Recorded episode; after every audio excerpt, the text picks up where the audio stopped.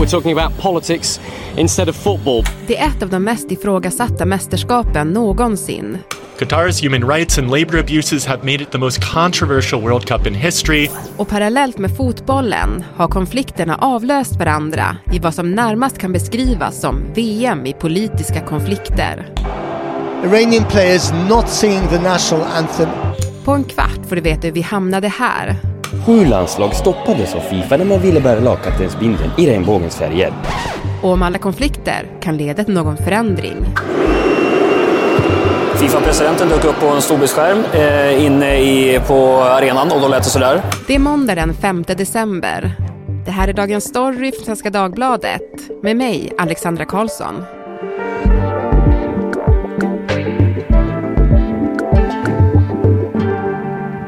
Anders Lindblad, sportkrönikör här på Svenska Dagbladet. Du Anders, vad känner du när du följer fotbolls-VM i Qatar just nu?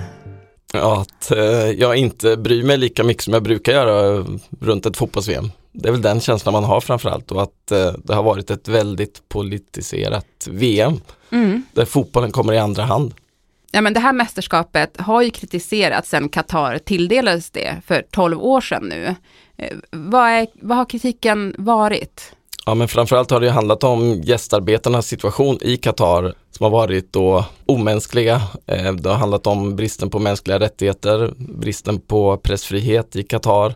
Eh, men just framförallt det fokus har ju varit på gästarbetarnas situation och det är ju, finns rapporter som Amnesty har tagit fram om att 6500 gästarbetare har omkommit då i arbetena med all infrastruktur och arenorna under då 12 års tid. Mm. För de har byggt upp allting Ja, från scratch. exakt, precis.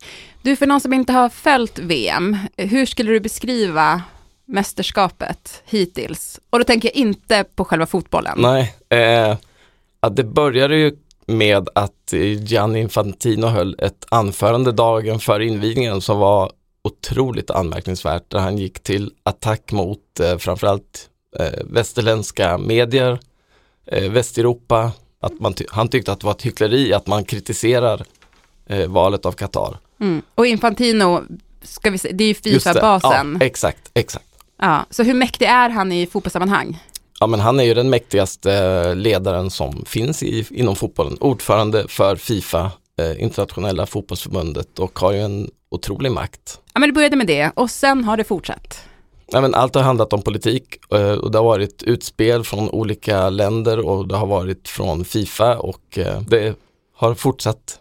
Du, jag tänkte vi skulle stanna upp lite grann vid eh, Gianni Infantino som du pratade om där, för han har ju verkligen hamnat i centrum. Varför? Det började med kan man säga att han fick ta över ett Fifa som var i mm, total korruptionsskandalen där 2015 när allting rullades upp och Eh, Sepp Blatter som var ordförande tidigare då fick avgå och även Michel Platini som var ordförande i Uefa och Europeiska förbundet fick också avgå. Och Infantino tog över Fifa och sa att han skulle modernisera hela organisationen. Han började väl ganska okej och försökte göra vissa saker men sen har han liksom fallit in i den här mygelpositionen och maktspelaren som han är då. Han har insett liksom var han kan hämta sina röster ifrån och det är inte från norra Europa där vi bor då utan han har liksom vänt sig till andra delar av världen där han har ett stort stöd. Mm. För precis som i politik så ska han bli vald och få stöd. Ja det är ju som ett, eh, ett idrottsförbund där alla medlemsstater och det är 211 eh, nationer som är med i Fifa och där varje land har en röst. Det är val här nu i mars, eh, Fifas kongress och där kommer han bli vald för ytterligare fyra år igen. Det Mm. finns inte ens en utmanare. Nej, men det, det är skönt. Ja, för honom är det bra. Mm. Hur skulle du beskriva honom då?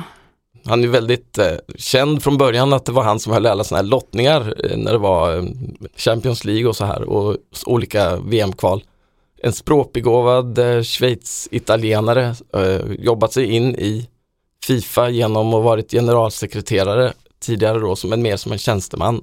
Fick ta över eh, ordförandeposten och eh, väldigt speciell. Jag tycker han har ett eh, stort ego ser man ju i sina tal då, de han har hållit här och världsfrånvänd eh, självbild. Burrow's furniture is built for the way you live. From ensuring easy assembly and disassembly to honoring highly requested new colors for their award-winning seating, they always have their customers in mind. Their modular seating is made out of durable materials to last and grow with you. And with Burrow, you always get fast, free shipping. Get up to 60% off during Burrow's Memorial Day sale at burrow.com slash ACAST. That's burrow.com slash ACAST. burrow.com slash ACAST. Tror du att Infantino trodde att det skulle bli så här politiskt när VM väl var igång? Nej, alltså Fifa bad ju också alla deltagande länderna inför VM att nu måste vi lägga politik och ideologi åt sidan. Nu är det bara fotbollen som ska stå i fokus. Och sen så då den här eh, dagen före invigningen så höll han då sitt eh, timslånga anförande som var bara politik. Och det var liksom startskottet på någonting som vi aldrig har sett tidigare. Hundratals journalister har samlats inne i den enorma konferenssalen i Qatar Convention Center. Det är dagen innan VM ska sparkas igång. Och mannen alla i salen väntar på är fotbollens mäktigaste man, Gianni Infantino. Två minuter innan utsatt tid slår han sig ner framför den samlade världspressen. First of all, of course, welcome. Men det som sen händer har nog ingen i salen ens kunnat drömma om. Today I feel uh, gay. Today I feel uh, a migrant worker. Infantino håller ett en timmes långt försvarstal för att VM hålls i just Qatar. Han kastar ut flera kängor till Europa som han menar är hycklare i sin kritik. I think for what we Europeans have been doing in the last 3000 years around the world, we should be apologizing for the next 3000 years. Och trots att Fifa själva i samband med VM lanserar en kampanj för social rättvisa med budskap som att fotboll förenar världen och att diskriminering är fel så stoppar man de länder som vill bära One Love-kaptensbindeln under VM. There had been warned by FIFA officials that wearing the armband would be a breach of its rules and risk a sporting sanction. En bindel som är till stöd för hbtq-rättigheter. Då det är olagligt att vara homosexuell i Qatar. Fifa motiverar sitt beslut med att det inte är tillåtet med politiska budskap på fotbollsplanen. Det här skapar massiva protester. I think we've made it clear as a team and uh, the staff and an organisation that we want to wear the armband. Men Fifa står på sig och hotar med att de lag som ändå använder One Love-bindeln kommer bestraffas. Det var sju länder av, faktiskt kan man tänka på, bara sju av 32 deltagande nationer som ville bära den här One Love regnbågsfärgade vinden. Eh, de vek ner sig när de blev eh, hotade med sportsliga straff, eh, gult kort eller avstängning, det vet man inte riktigt vad det hade blivit. Men Tyskland har nu gått till idrottens skiljedomstol, CAS. Man har överklagat beslutet och säger att Fifa har gjort fel, man kan inte göra så här. De hade ju fått också löfte om att få bära den här binden innan VM började, men blev stoppade då samma dag som matcherna skulle börja. Mm. Vet man varför de stoppades då?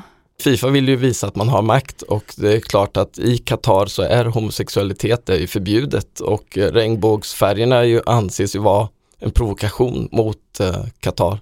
Så mm. att eh, man gick på Qatars linje och man vill inte ha någon, någon eh, kontrovers, trodde man. Men det blev ju ännu mer istället. Men det har inte kommit något eh, beslut från CAS? Nej, inte och det kommer nog inte komma nu under VM utan eh, det kan ju kanske komma då efter men då spelar det ingen roll. Och det som är tråkigt är också att inget av de här länderna vågade verkligen utmana Fifa utan man vek ner sig ganska snabbt mm. och sa att det var ett eh, ett skandalöst beslut av Fifa men man vågar inte heller stå upp för regnbågsbinden. Ja, vad tänker du om det? Jag tycker det var fegt det hade varit intressant att se vad som hade hänt om de, den här lagkaptenen då verkligen hade fått ett gult kort. Jag tror inte det för att eh, frågan är vilken domare som hade vågat att ge ett gult kort till en lagkapten innan en match ens börjar. Ja. Jag kan förstå också då de länderna då som eh, inte vågade med tanke på att sportsliga eh, straff, eh, klart att det svider. Det blir nästan lite ironiskt Anders, det jag tänkt på det här med, med tanke på att Fifa verkligen försökt få det här, få det här till ett så här opolitiskt VM. Mm och de har verkligen hamnat också, utöver det här, mitt i världspolitik. Och då tänker jag på Iran. Det har ju varit den frågan som kanske har varit mest aktuell under VM. Man har ju sett Irans landslag som kommer till sin första match vägra sjunga nationalsången. Efter påtryckningar då antagligen, det vet vi inte exakt men troligtvis så mumlar de i varje fall med då i sina två nästkommande matcher och sjunger med och eh, ingen vet vad som händer de här spelarna när de kommer tillbaka till sitt hemland, vad som väntar egentligen. Mm. I Qatar, som då är eh, en av Irans bundsförvanter, närmaste bundsförvanter, så har ju också säkerhetsvakter och polis jagat symboler på läktaren för Irans eh, frihetskamp. Mm. Den situationen som spelarna i Iran har haft är ju långt mycket tuffare än eh, de här länderna som vek ner sig för regnbågsbinden tycker jag. Jag tänkte på det, den första matchen, alltså det var ju så oerhört starkt när de inte sjöng med. Kanske starkaste minnet hittills från VM och det man kommer att komma ihåg tror jag också mycket efter turneringen. Mm. Hur tycker du att Fifa hanterat eh, den delen då av liksom Irans som de brukar göra med feghet och genom att tysta alla protester eh, och hoppas på att Iran ska åka ut, vilket de också har gjort. Eh, och för att få liksom, ja, slippa den här frågan. Du sa där i början att det är liksom ett av de mest politiska eh, mästerskapen vi har haft och jag har tänkt på att, typ att eh, damfotbollen har ju varit politisk tidigare, alltså där har ju sett politiska yttringar. Kommer herrfotbollen fortsätta vara politiskt efter det här VMet? Det är ju den här världen vi lever i just nu, alltså det, den är väldigt politisk och den är väldigt polariserad och det märks också att det är första gången ett VM spelas i Mellersta Östern eh, och det har, det har just påverkat hela mästerskapet ja, från att Qatar då fick det. Men jag tror att eh, ja, det är det här vi får vänja oss vid. Politik och idrott hör ihop och det har alltid gjort det men det är ännu mer tydligt kanske just nu under det här världsmästerskapet. Och jag har en känsla av att det där att politik och fotboll eller sport inte hör ihop, det försvann i och med Rysslands invasion av Ukraina. Ja. För då var det ju verkligen första gången man bara, nej. Absolut. Eh, då blev det verkligen, det ska man också komma ihåg att Ryssland är ju, blev ju uteslutet från sin playoff-match eh, till då eh, VM-slutspelet. Så att det blev startade där med väldigt politiserat, man uteslöt Ryssland. Sen har det fortsatt och det fick upp ögonen tror jag för väldigt många att ja, politik och idrott hör väldigt tätt ihop. Mm. Jag tänkte på ett begrepp som sportwashing som vi har pratat om tidigare. Alltså det handlar ju om att eh, man använder sport för att eh, eh, bättra på sitt rykte och visa upp sitt land från sin bästa sida och sådär. Och det finns ju många exempel på det och eh, man kan ju bara tänka att eh, fotbolls-VM 2018 hölls i Ryssland. Helt ofattbart att tänka ja, idag. Ja, men exakt. Och jag var ju där då eh, under VM och eh, visst det fanns kritik mot Ryssland då, men inte på det sättet som det, kan, som det såklart skulle ha varit nu då. Att, ja, då var det mest, det handlade mest om eh, de här långa resorna och att det var mm, miljöfrågan eh, som var uppe eh, men visst, det fanns en kritik mot Ryssland och det fanns en kritik mot Kina både 2008 och nu 2022 när de har hållit sina OS. Mm. Och 2018 hade ju Ryssland ändå invaderat, eller annekterat Krim, ja, det skedde ju tidigare. Så, ja, exakt. Ja. Och det är konstigt att det var in, den frågan var inte ens uppe just då, utan den var glömd. Och det är ju hemskt när man ser tillbaka på det. Mm. Men tror du då att det här är slutet för sportwashing? Nej, tyvärr så eh, är det ju inte det utan vi ser hela tiden tecken på att det blir bara mer och mer sportwashing tycker jag. Även om det här mästerskapet då kanske Ja, det värsta året då som vi har pratat om tidigare med OS i eh, först Kina, sen har vi då fotbolls-VM i Qatar. Men vi ser ju hela tiden eh, golfen, Saudiarabien satsar stenhårt på den här livgolfen, eh, en utbrytartor till eh, den amerikanska touren eh, med miljarder för att få dit spelare. Vi ser att de här länderna också söker ju Formel 1 och de vill ha fler och fler mästerskap. Saudiarabien söker ju faktiskt fotbolls-VM 2030 och det är inte alls omöjligt att de får det tror jag. Med tanke på att Infantino just då, så, eh, som också, han bor i Qatar just nu, han gör reklam för saudisk eh, turism och är väldigt nära vän med den saudiska kronprinsen också. Men kommer då egentligen någonting förändras inom fotbollen som nu har fått jättemycket kritik? Det här är ju ett jättekritiserat VM. Den här demokratiska synen som vi har på idrotten och som vi tycker borde finnas, den existerar ju inte inom organisationer som Fifa. Utan det är en sluten krets kan man säga, det är ingen insyn.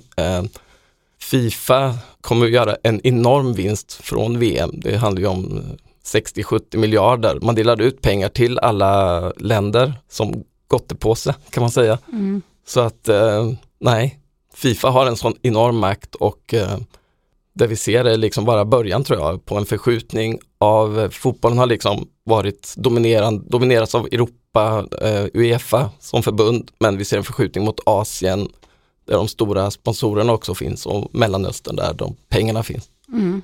Så VM i Saudiarabien, det kommer vi få se tror du? Det är inte alls omöjligt. Jag tror nästan det faktiskt. Och sen eh, Infantino pratade till och med om ett VM i Nordkorea här under sitt det här öppningsanförande. Så att eh, han är öppen för vad som helst. Du, tack så jättemycket Anders för att du var med i Dagens Story. Tack så mycket.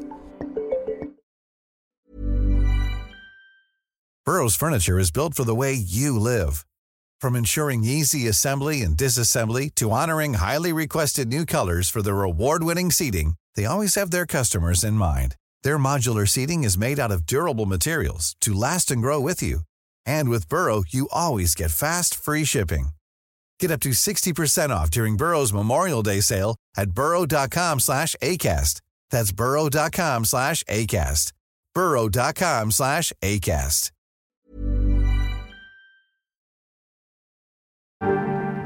Programmet idag producerades av Mattias Stellert, redaktör var Teresa Stenle von Matern och jag heter Alexandra Karlsson.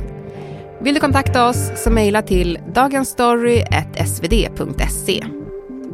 Och klippen i programmet kom från Sveriges Television, Sveriges Radio, CNN, BBC, Channel 4, Deutsche Welle, Sky News och ESPN.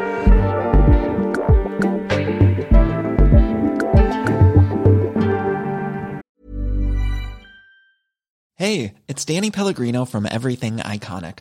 Ready to upgrade your style game without blowing your budget? Check out Quince. They've got all the good stuff shirts and polos, activewear, and fine leather goods, all at 50 to 80% less than other high end brands. And the best part? They're all about safe, ethical, and responsible manufacturing. Get that luxury vibe without the luxury price tag. Hit up quince.com slash upgrade for free shipping and 365 day returns on your next order. That's quince.com slash upgrade.